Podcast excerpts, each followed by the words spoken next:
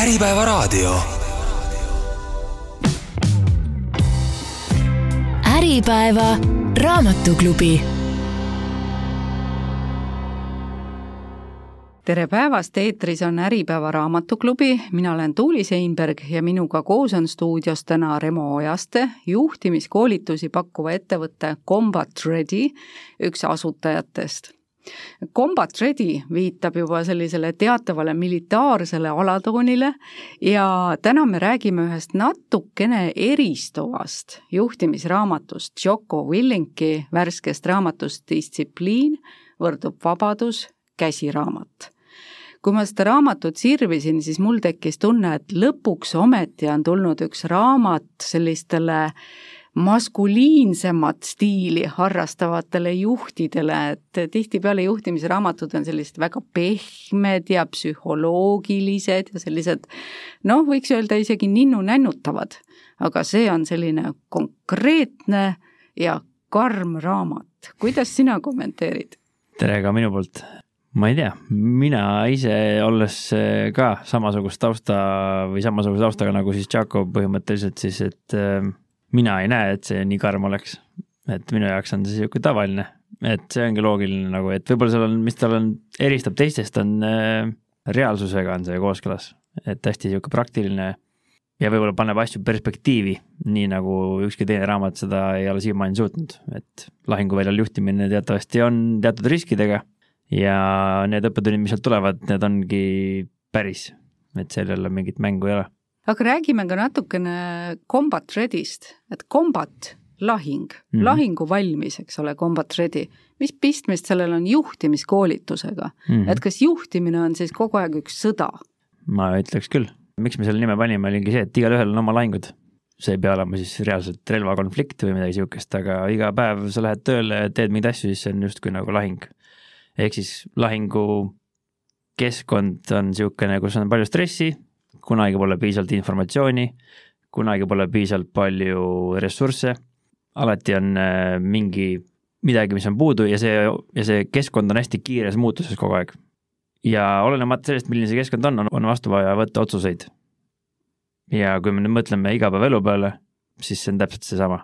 ehk siis kogu aeg asjad muutuvad, kunagi pole piisavalt palju raha, kunagi pole piisavalt palju aega, alati on midagi jälle uutmoodi, aga otsuseid ikka vastu võtta ja võib-olla üks asi, mis eristab, ongi see, et äh, kaitseväes või enne lahingusse minekut sind treenitakse. aga nüüd äh, meil siin tsiviilmaailmas tuleb lihtsalt sõtta minna esimesel päeval ja õppida läbi selle sõja nagu.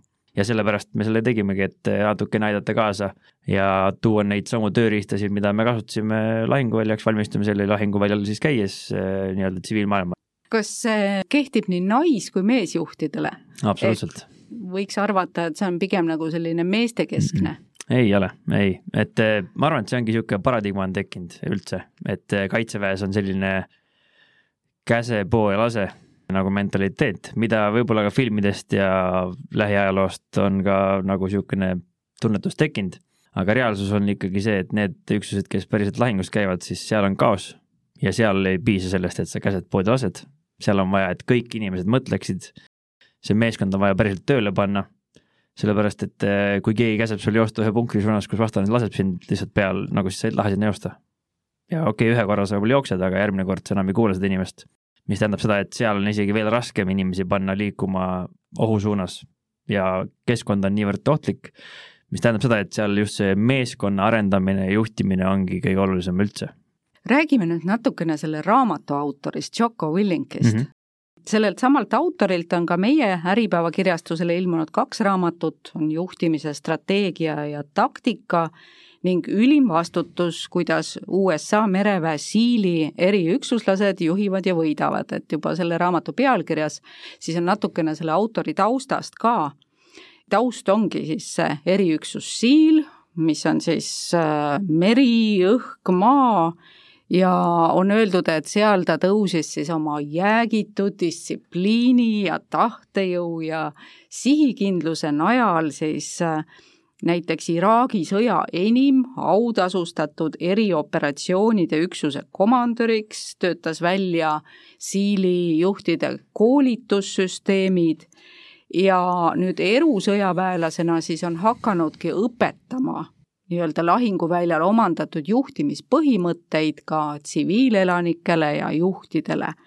ja just seesama, mida sina ka välja tõid, et need kehtivad tegelikult ka igapäevastes juhtimisolukordades mm. -hmm. aga ma tean, et sina oled väga suur Willingi fänn ja oled tal lausa külas käinud, et mis ajendas minema külla ühele sellisele inimesele ja autorile ja kuidas te üldse kontakti saite ja mis sa autori kohta teada said? jaa, no mina olen teda päris pikalt äh, juba jälginud ja mis ma tema kohta teada sain ja miks ma üldse sinna tahtsin minna, oligi see, et äh, meie, minu siis kaasasutaja Martin, temal käest küsiti teatud tüüpi koolitust või nagu, et tule räägi meile mingisugusest sõjaväeasjast ja siis ta esitas selle küsimuse mulle ka, et mismoodi mina sellest räägiksin ja siis ma ütlesin, et see, mida nad siin tahavad, et see ei ole päris see õige võib-olla, mida nad küsivad, et tegelikult neil tundub selle probleemi järgi, et neil oleks vaja niisugust extreme ownership'i laadset mõtteviisi koolitust või midagi niisugust. ja kuna seda kusagil ei olnud, siis me mõtlesime, et no mis seal ikka, teeme ise siis, et äh, lõime labida maasse Martiniga. kui me esimese, esimese koolituse ära tegime, siis saimegi aru, et okei okay,, kuule, see päris meeldis neile ja meile endale meeldis ka seda teha ja paistab, et see toimibki. ja siis me mõtlesime, et okei okay,, et me ei taha nagu jalgratast leiutama hakata, on ju, et äh, kuigi me oleme ise samasuguses asjas keskkonnas olnud ja väga sarnaste printsiipide järgi töötanud, aga me ei olnud neid sõnastanud ümber nii-öelda nüüd siis tsiviilkeskkonna sobivaks justkui. ja kuna Jaco oli selle ära teinud ja ilmselgelt see, mida ta te-, tegi, tundus olevat menukas ja töötav ja me ise saime ka nüüd aru, et see töötab, siis me mõtlesime, et me võtame ühendust nendega ja mida me seda ratast leiutame, et pigem keskendume sellele, mida me saame lisada sinna. võib-olla saame paremad pedaalid ja võib-olla saame midagi juurde panna ja see on kokkuvõttes palju mõistlikum ajakulutus, kui see, et hakkame uuesti oma ratast leiutama. ja siis hakkasime kirjutama neile, ehk siis me hakkasime ise lähtuma nendest samadest printsiipidest, millest ta räägib ja me teadsime, et kui me lähtume nendest printsiipidest, mida, mida ta ise räägib, on ju, ja mida me ise elame, no siis me ei saa eriti mööda panna. et äh, esiteks me saame siis aru, kas ta ise ka teeb neid asju no, või ainult räägib, on ju, et äh, ma ise uskusin kindlalt siiralt, et ta ise on ka niisugune, nagu ta räägib. ja siis saatsimegi oma esimese kirja, saime ka kellelgi sealt vastuse, Leafilt ehk siis ka tema kaasautorilt ja öeldi, et noh, te olete toredad tüübid siit Ida-Euroopast ja et eh, väga lahedat asja üritate teha või et eh, aitäh oma teenistuse eest ja kõik sihuke muu. ja sinna enam-vähem see jäigi, me hakkasime uuesti kirju saatma, et kuule, tahaks ikka asju teha. aga siis niisugune kaks-kolm kuud eh, me üritasime läbi online'i igatpidi, on ju, ja siis me vaatasime, et see meetod ei tööta lihtsalt. ja siis, mis me selle peale tulime, oligi see, et vaatasime, et need tuleb kohale lennata lihtsalt ja näidata teistmoodi siis seda default aggressive'it, millest me ka ise räägime, et ükski probleem iseenesest ära lahene. Ja kui sul on probleem, siis tuleb midagi teha selle jaoks. Ja siis me arvasime mingi initsiatiivi, ostsime piletid, lendasime USA-sse ja läbi siis oma eeskuju ise osalesime nende treeningul. Ja läbi selle nad vaatasid, et okei okay,, Chaco ise ütles, et okei okay,, nüüd, nüüd te võitsite minu tähelepanu. ja milline ta nagu isikuna on, ta on täpselt niisugune, nagu ta räägib, et on midagi ei olegi nagu öelda, täpselt selline, nagu ta on oma podcast'is, selline nagu ta raamatus on, ta väga siiralt usub, ta on väga suur patrioot ja ta reaalselt tahab ka aidata inimesi, ta ei aja, aja taga raha nagu, et äh, kvaliteet. kui tal midagi on elus puudu, siis on seda vaja teha, et äh, olgu siis, kas ei ole normaalset energiajooki või mingit jooki, mida juua, selge, siis tuleb ise teha. ei ole normaalset teksapükse, selge, tuleb ise teha äh, ja nii edasi, et samamoodi oli ka tema raamatute kirjastamisega, et ta, tal on ka muide lasteraamatud, mis on üli, ülimalt head. ja sellega oli selline lugu, et äh, USA-s mingisugune kirjastus ütles, et äh, tema tahtis enne jõule saada seda nii-öelda riiuli peale ja kirjastus ütles, et ei, seda ei ole võimalik saada. siis ta ütles, et äh, ma tahan saada seda enne jõule. ja see ei, ei ole võimalik. ja tal on niisugune suhtumine, et keegi ütleb, et ei ole võimalik, siis ütleb okei okay,, selge. ja sellest sai alguse siis Jaco Publishing ehk siis ta tegi oma kirjastuse ja raamatud olid enne jõule riiulil et selline ta on ja ta reaalselt elab neid asju, mida ta räägib, et see ei ole mingisugune umbluu ja sellepärast ta ka nii edukas on. ehk siis tema jaoks ei, ei ole vastus? kindlasti on, aga ta kaalutleb seda ja ta ei langeta seda ei otsust lihtsalt, et tema esimene vastus on see, okei okay,, vaatame, mis, mis see teha annab. et ei, selles mõttes jah, ei ole vastus, sest et see on lihtsalt ei ilma läbi mõtlemata, aga ei ja miks, võib-olla seal on põhjus taga. ehk siis analüüs ikkagi tuleb teha, tema filosoofia ja samamoodi ka meie oma on see, et pigem olla liikumises, liikuda õiges suunas, kui lihtsalt istuda öökoha peal. räägime natukene lähemalt nüüd sellest raamatust mm -hmm. ka, et äh, nagu ma ütlesin, et ta on natukene eristuv siiski, Äripäeva siis poelehel pood.äripäev.ee on kirjutatud selle kohta, et raamatuid, mis räägivad takistuste ületamisest, sellest, kuidas olla vaimselt, füüsiliselt, emotsionaalselt nendeks valmis, on väga palju, aga enamik jätavad kõrvale siis või tähelepanuta ühe olulise komponendi, distsipliini aga Villinki raamat on selles mõttes erand, et äh, käsitlebki strateegiaid, millega oma nõrkusi ja hirme ületada, aga ka siis konkreetseid tehnikaid, mis tagavad sul selle parema füüsilise vormi ja une- ja toitumisharjutused ja kõik asjad ja selle kõige siht on üks, saavutada tõeline vabadus. võiks arvata, et need on vastandid, distsipliin ja vabadus mm. -hmm. jah, aga noh, tegelikult on see võib-olla hea näide ka rahalisest vabadusest, millest kõik räägitakse kogu aeg, aga kuidas seda saavutada, on ikkagi läbi distsipliini. ehk siis sul peavad tekkima need harjumused rahaga ümber käia, isegi kui sul on kümme eurot, siis pane üks euro kõrvale. ja loodetavasti, kui sa jätkad seda piisavalt kaua aega, siis sul lõpuks jääbki mingi vaba raha, ehk siis sul tekib vabadust läbi selle, kui sa oled distsiplineeritud ja samamoodi on aja planeerimisega. kui sa kasutad oma aega efektiivselt ja distsiplineeritult siis sul tekib rohkem vaba aega, mida sa saad siis kulutada ükskõik mille peale. ja tegelikult eh, see ongi niisugune nagu jah, dihhotoomia, mis on ka üks raamat, eh, mis tal on, et juhtimise dihhotoomia. ehk siis nad ongi äärmused. et kõik tahavad olla vabad, aga vaba ei saa olla ilma distsipliinita ja samamoodi võiks öelda ka riigi kohta. et see vabadus ei tule niisama ja selle jaoks, et seda vabadust hoida, peabki olema distsiplineeritud, sul peab olema õige sõjavägi, sul peab olema äh, õiged politseid, asutused, kes hoiavad ja aitavad toetada ühiskonda. ja kui sul neid pole, noh, siis see vabadus ei ole see, mida sa tahad. et tahaks küll, et kõik oleks vabad ja kõik võiksid teha, mida nad tahavad. aga nüüd, kas see on päriselt see, mida me tahame? kõik, kes näevad, et sa ei ole distsiplineeritud ja sa oled, ma ei tea, nõrk, siis järgmine päev nad tulevad ja koputavad su ukse peale ja ütlevad sulle, et anna asjad siia. ja siis enam ei ole vaba.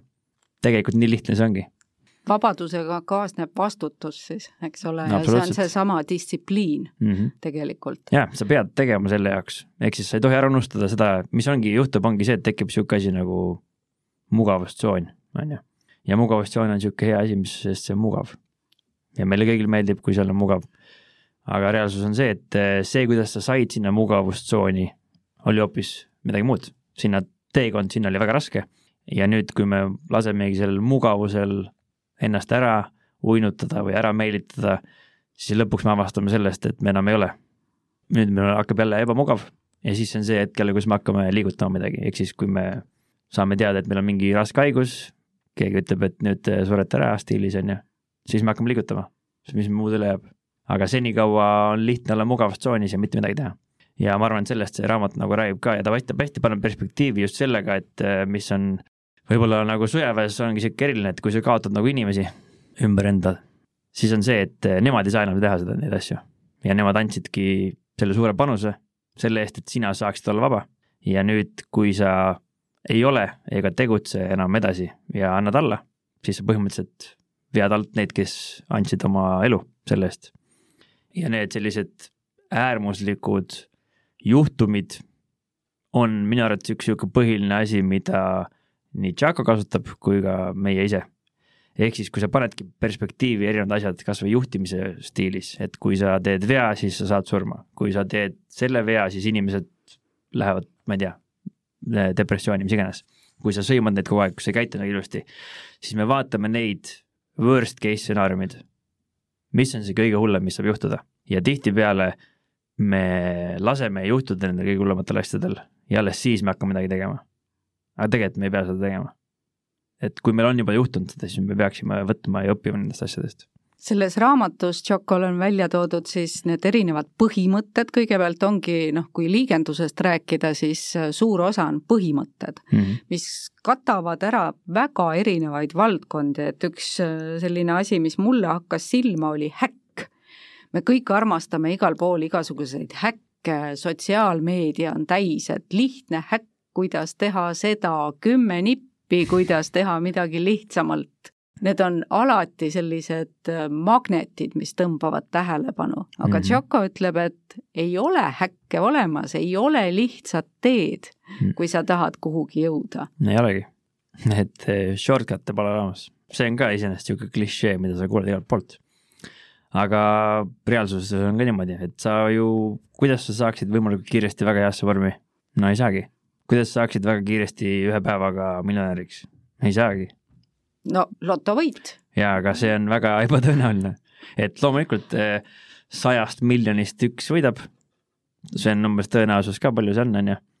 aga nüüd, kas keskmine inimene tahab minna vastu tõenäosusega üks sajale miljonile?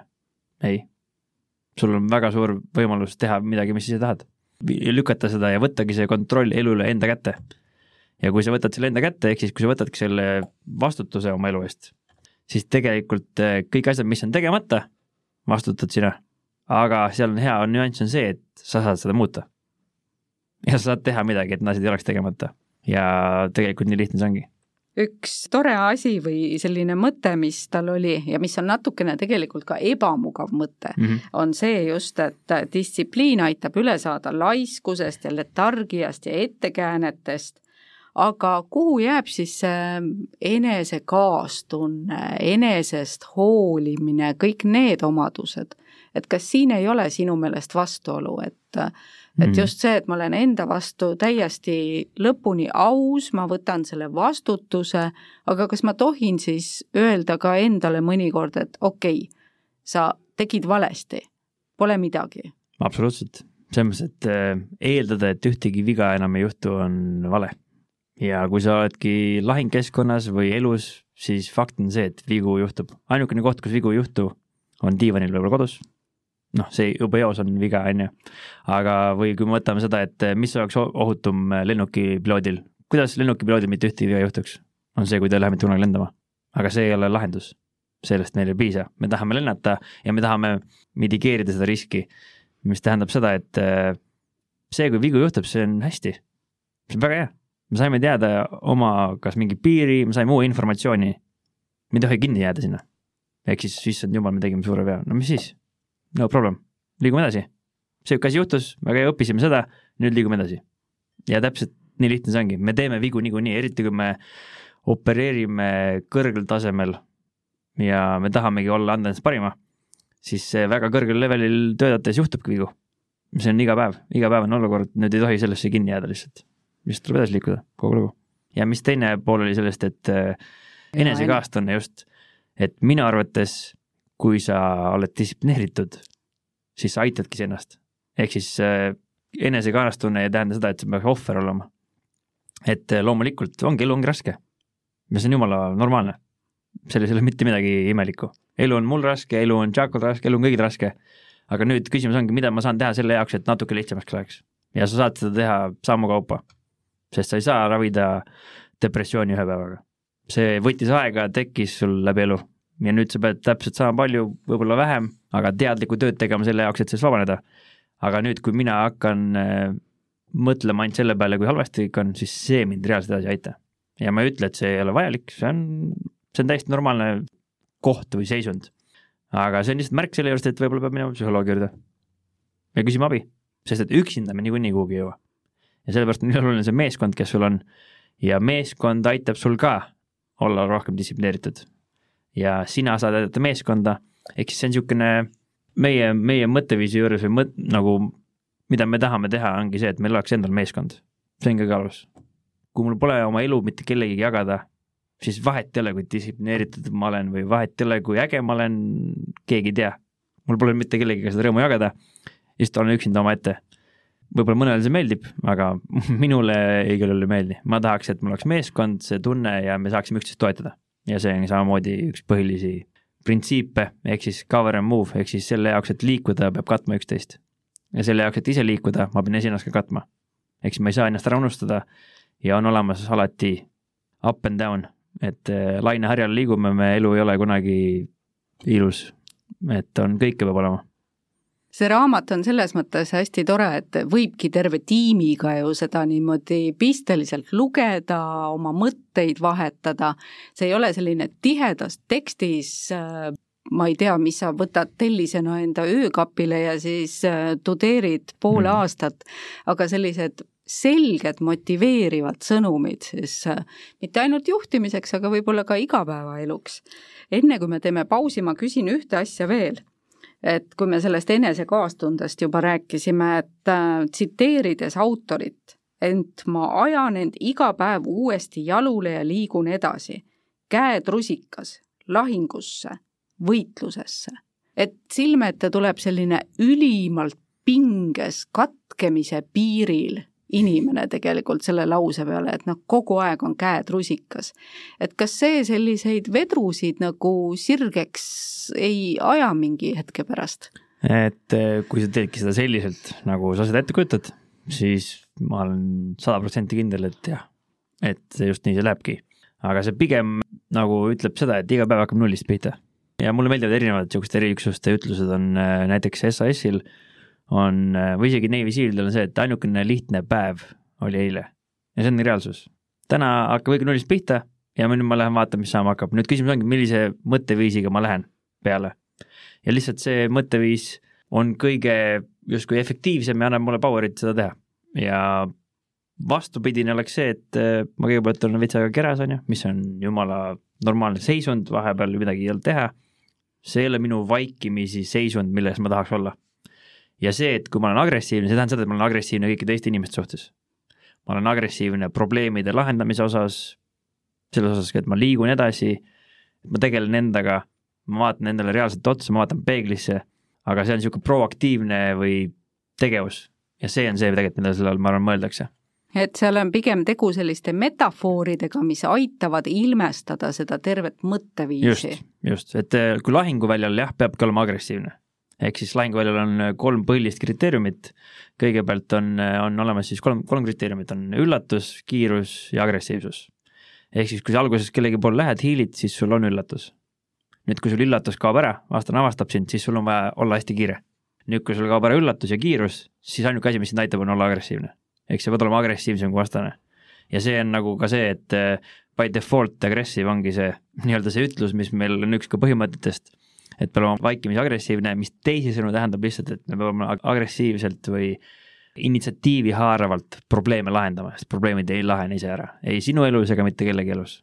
keegi peab alustama selle ja pall peab veerema panema palli aitab veerema panna siis Jocko Williki raamat Distsipliin võrdub vabadus. meil oli juttu sellest, et see agressiivsus, mis esmapilgul võib tunduda hirmutav, on tegelikult metafoor, see tähendab sellist väga aktiivset probleemi lahendust ja, ja kogu see raamat on pigem siis selline nagu juhte motiveeriv, enesedistsipliinile motiveeriv raamat. ja autor ütleb äh, mingil hetkel ka seda, et selline sõjatee viib lõpuks rahuni kas sa oskad seda mõtet natukene avada, et, et kuidas see siis nagu juhtimises pädeb või kuidas see rakendub?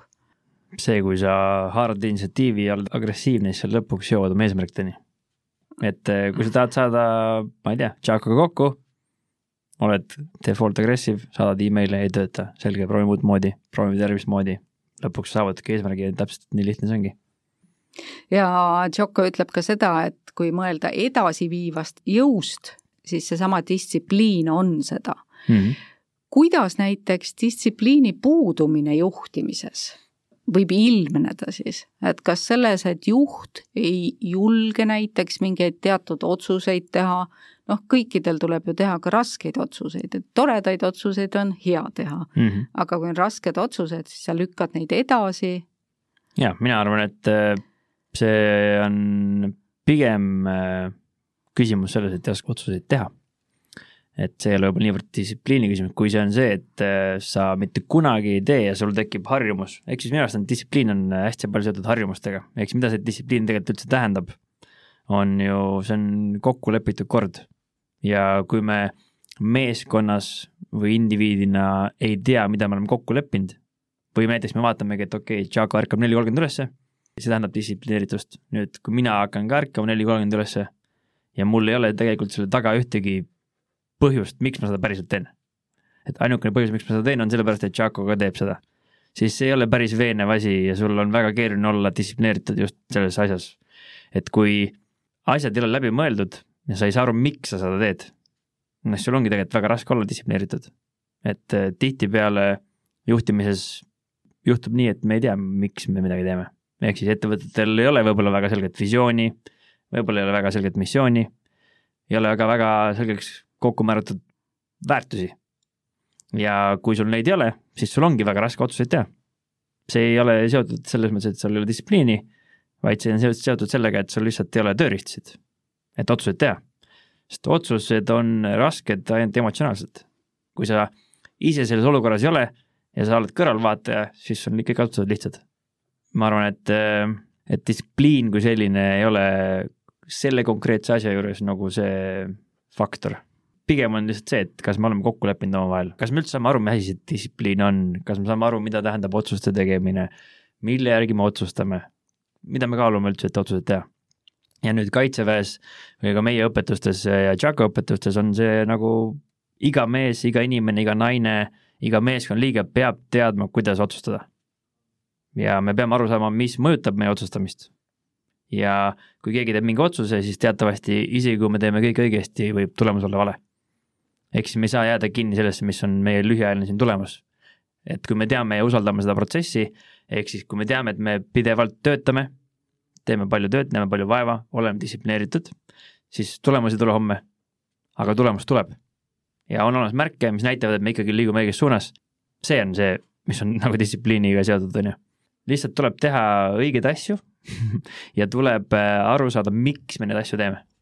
ja kas need on loogilised sinu jaoks seal oli hästi palju selliseid just nimelt enesereflektsiooni momente mm, -hmm. et äh, tundub selline kuidas öelda, vormistuselt võib-olla isegi selline lihtne kinkeraamat, et tõepoolest, et igal leheküljel on mingisugune kümme rida, mis on sellised natukene nagu slõuganlikud, et tee seda, mine sinna, mõtle niimoodi, niimoodi ei saa, see on tupiktee mm. -hmm. aga samas, mis äh, tunne mul tekkis lugejana, oli see, et sa ajad natukene oma selja sirgu ja kuidagi seda lugedes see mõtteviis muutub natukene, sa mõtled, et jah, ma suudan, jah, ma tahan, jah, ma saan, ahaa, see on see koht, kus ma peaksin natukene sammu tagasi astuma ja nüüd vaatama, et miks juhtus nii ja nii ja nii mm -hmm. ja mhm. siit uuesti edasi minema.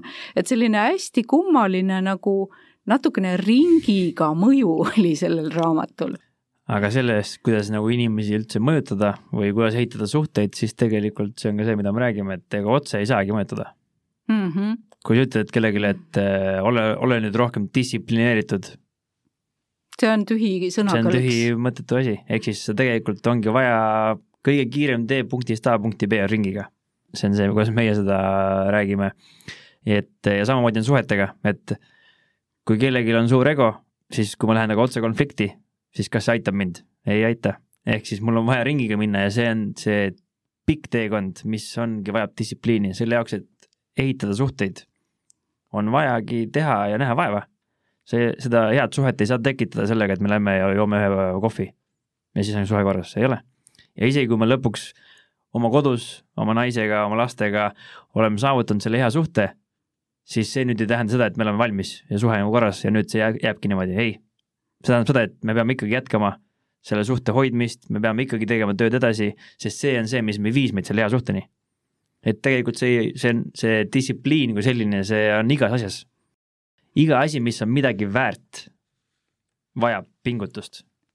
ja kui me seda, selle nimel pingutame ja sellel on mingisugune väärtus minu jaoks, noh, siis seda on lihtsam ka teha sellistest otsuste lihtsusest andis head näited või sellise aimduse see, kui lihtsalt ta selgitab selliste igapäevaste olukordade najal seda, et kuidas mingisugust otsust teha, et mulle jäi väga meelde see, et sõõriku teema näiteks, et on palju ju toitumisraamatuid, inimesed on ülekaalulised, on suhkrusõltuvus, küll tahaks seda magusat ja siis on pikad heietused, et kuidas nagu ennast siis ümber programmeerida ja mida mõelda ja kuidas sellest sõõrikust mööduda mm. -hmm. aga Jocko ütles väga ilusasti, näpud eemale sellest sõõrikust mm. -hmm. või siis teine asi, seesama hommikune varane ärkamine, tahad vara ärgata? Pole probleemi, ärka vara, kõik. täpselt nii. et eh, jah, selles mõttes, et eh, täpselt nii see ongi. kui sa tahad eh, olla heas vormis, siis mine trenni. kui sa tahad olla hea jujitsus, siis mine jujitsu trenni. Kui sa tahad olla hea kätekõverduses, siis hakka kätekõverdusi tegema. ja aga te tegelikult see nii lihtne ongi. nüüd eh, ma ei ütle, et eh, ei ole olemas häid trikke, mõtteid, viise, kuidas lihtsustada ja kuidas ehitada ümber seda keskkonda, mis aitab kaasa sind selle harjumuse kujundamisel, selle, selle kohta on kirjutatud palju raamatuid, kuidas seda täpselt teha. aga see filosoofia kui selline tegelikult ongi nii lihtne. Ja et sa võid ju omal kõik sõõrikud ära korjata kodust, panna jooksutossud valmis nähtavale kohale, kõiki asju teha mm, -hmm. mis sind toetavad, aga see otsus on just seesama, mis tuleb niimoodi et sa pead endaga kokkuleppe tegema. aga jama on ka selles, et endaga kokkulepet tead ainult sina. on ka trikke, ma ise olen ka kasutanud, on see, et ma olen lubanud teistele. ja kui mul on meeskond, siis mina ütlen seda, et ükskõik, mis asi sind aitab õigel teel hoida, on õige lahendus. nüüd küsimus on, mis on see sinu jaoks kõige õigem ja võib kasutada ka teisi meetodeid, et saada tagasi ree peale, kasuta oma meeskonda, sest me alati ei, ei saa üksinda hakkama kõikide asjadega. ehk siis see ei tähenda nüüd, et kui ma ütlen ja eksin, et see on ainuke variant, ei ole.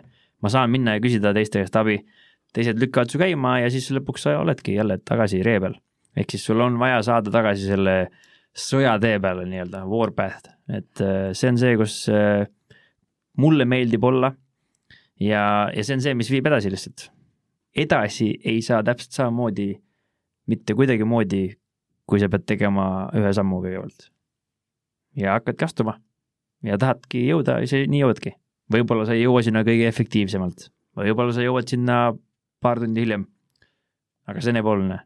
peaasi, et sa juba liigud sinnapoole ja näed, et sa arened ja see, see ongi juba väga hea tagasiside sulle endale ehk siis siin on nagu kaks dimensiooni, võiks öelda, et on see juhi eneseareng, et sa astud neid samme, et olla nagu parem juht mm. -hmm. ja parem siin nagu mitte selles mõttes, et lihtsalt ma olen jube hea või, või, või noh, ma ei tea, mingisugustele parameetritele vastan, aga nende enda sisemiste ja väliste eesmärkide poole siis liigun sihipäraselt Mm -hmm.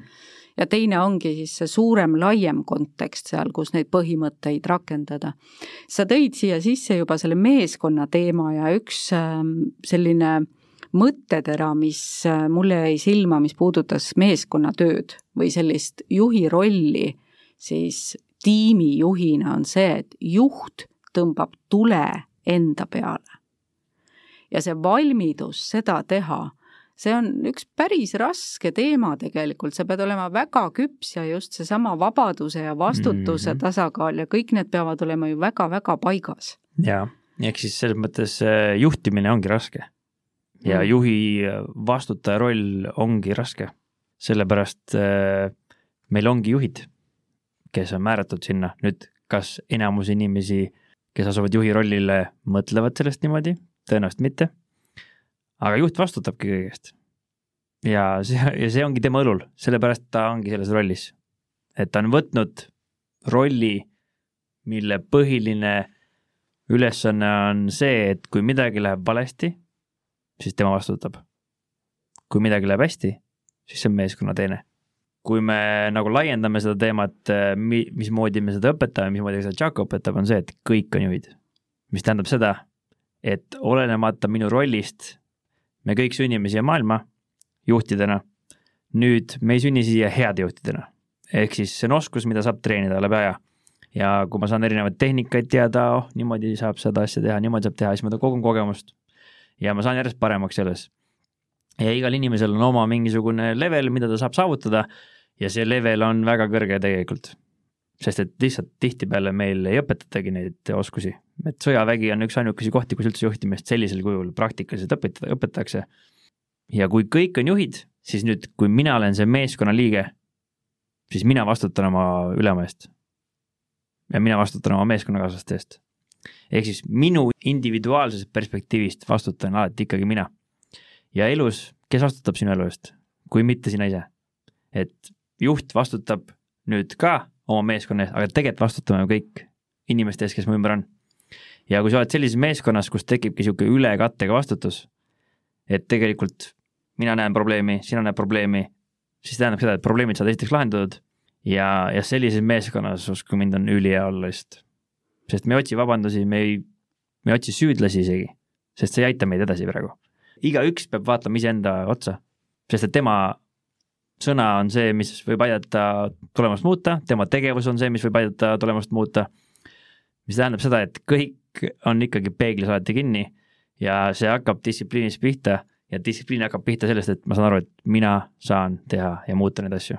sa tõid väga vahva termini siin äh, mängu, ülekattega vastutus mm. -hmm. et see on küll asi, mis endale kõrva taha panna ja seda natukene mõtestada ilmselt, et tõepoolest, et jõuda sellise mm -hmm. meeskonnani. et äh, kust see tuleb nagu selles mõttes äh, või selline termin on overlapping fields of fire on ju, ehk siis kui me oleme kaevikus või ringkaitses, siis meil on alati vaja kolmsada kuuskümmend kraadi hoida igal pool silmi peal. ja nüüd meie nii-öelda need laskesektorid ja tulesektorid, need peavad kattuma. Kui nad ei kattu ja meil on siin kahe inimese vahel on vahe vahel, siis tuleb vastane sealt vahelt läbi. ehk siis me peame hoidmagi niimoodi, et meil kogu aeg, me näeme, mina näen, mis sinu probleemid on, sina näed, mis minu probleemid on, mingi maani on ju, ja siis, kui ma näengi, et sul läheb halvasti, sa ei jõua oma eesmärgile lähemale, siis ma saangi tulla ja aidata sind ja see on nagu põhiline, miks meil on vaja ja see, kui sa niisuguse kultuuri suudad luua, siis see on tõesti üliäge, imeline. ja see ei kehti ainult mitte tööl, sest et meie arvates töö ja eraelu ei ole kaks erinevat asja. elu ongi elu, töö on osa elust ja kõige rohkem võib-olla isegi sõjaväelasi näiteks missioonidel mõjutab just see, mis on seisund nende kodus. ja tegelikult samamoodi ka igapäevaelus mujal, et kui mul kodus ikkagi on laps haige või mul on naisega mingi jama no siis see peegeldub minu igapäev, minu igapäevatöös ka. nüüd, kas mina juhina peaks sellest teadma? muidugi peaks. ma peaks teadma täpselt väga hästi, mis minu inimestega toimub, kuidas teda kõige paremini toetada. kui ma saan toetada inimest ka väljaspool tööd, siis uskuge mind, ta toetab teid igal pool samamoodi vastu. ja meil on vaja toetust endal ka igapäevaelus, ehk siis meie jaoks on igal pool kõik meeskond ja see ongi kõige olulisem asi. ja et seda saavutada, juhina me peamegi tõstma meeskonna kõrgemale kui mina ise. ja kui me seda teeme, siis meeskond tõstab ka teid kõrgemale kui teie ise ja tekibki ülekattega vastutus. Selline virtuaalne pätiredel tekib, et üks tõstab ühte ja teine teist, et. absoluutselt jah, ja selle jaoks meeskond ongi vajalik, sest et üksinda sa ei jõua sinna ja sul ei ole tuge ja see on igav on üksinda ju hmm., lõbus ei ole. ikkagi on meeskonnas lõbusam ja kui sul on inimesed ümber, no me oleme ju karjaloomad ikkagi kokkuvõttes, et meile meeldivad inimesed meie ümber me räägime Jocko Willinki raamatust Distsipliin võrdub vabadus ja me oleme siiamaani rääkinud tegelikult tema põhimõtetest. Aga see raamat on vist küll esimene juhtimisraamat, kus on ka trenni osa ja toitumissoovitused lausa. päris üllatav kooslus kommenteeri lühidalt, et kuidas need siia puutuvad, et kas see on niimoodi, et äh, kui võtame selle põhimõtte, et sa oled see, mis sa sööd, et siis teha neid õigeid otsuseid ja kohe otsustada, sa pead ka nagu ennast siis äh, oma füüsilist keha toetama? No tervest kehast terve vaim on juba vanasti kunagi ammu öeldud, on ju, ja ega see ongi niimoodi, et äh, kõik see, mis me endale sisse vajame, see mõjutab meid, meie otsustamist, meie tegutsemist, et kui me kallame endale alkoholi sisse, siis hakkab meie otsuseid mõjutama, kui me kallame endale sisse suhkrut, siis see tekitab meis mingisuguse suhkru tõusu, on ju, ja peale seda meil on crash, ehk siis me oleme uimasemad veits. ja, ja mida paremat, kvaliteetsemat asja me enda kehasse topime, seda paremad on ka meie otsused, seda paremad eeskujud me oleme, seda rohkem me jõuame oma vaba aega, mida me läbi distsipliini oleme saavutanud, ka päriselt kasutada ehk siis vabadus selles mõttes olla tegevuses ka kuuekümne viie aastaselt, seitsmekümne viie aastaselt. see sõltub, kui distsiplineeritud sa oled eelmised viiskümmend aastat olnud. see, mida sa enda kehasse paned, see mõjutab kõike. ja samamoodi ka need treeningkavad, mis seal on, et need võivad tunduda alguses rasked. aga kui sa hakkad ühest kätekõvertusest pihta, ühest lõuatõmbest pihta, siis sa lõpuks jõuad kaheni, jõuad kolmeni.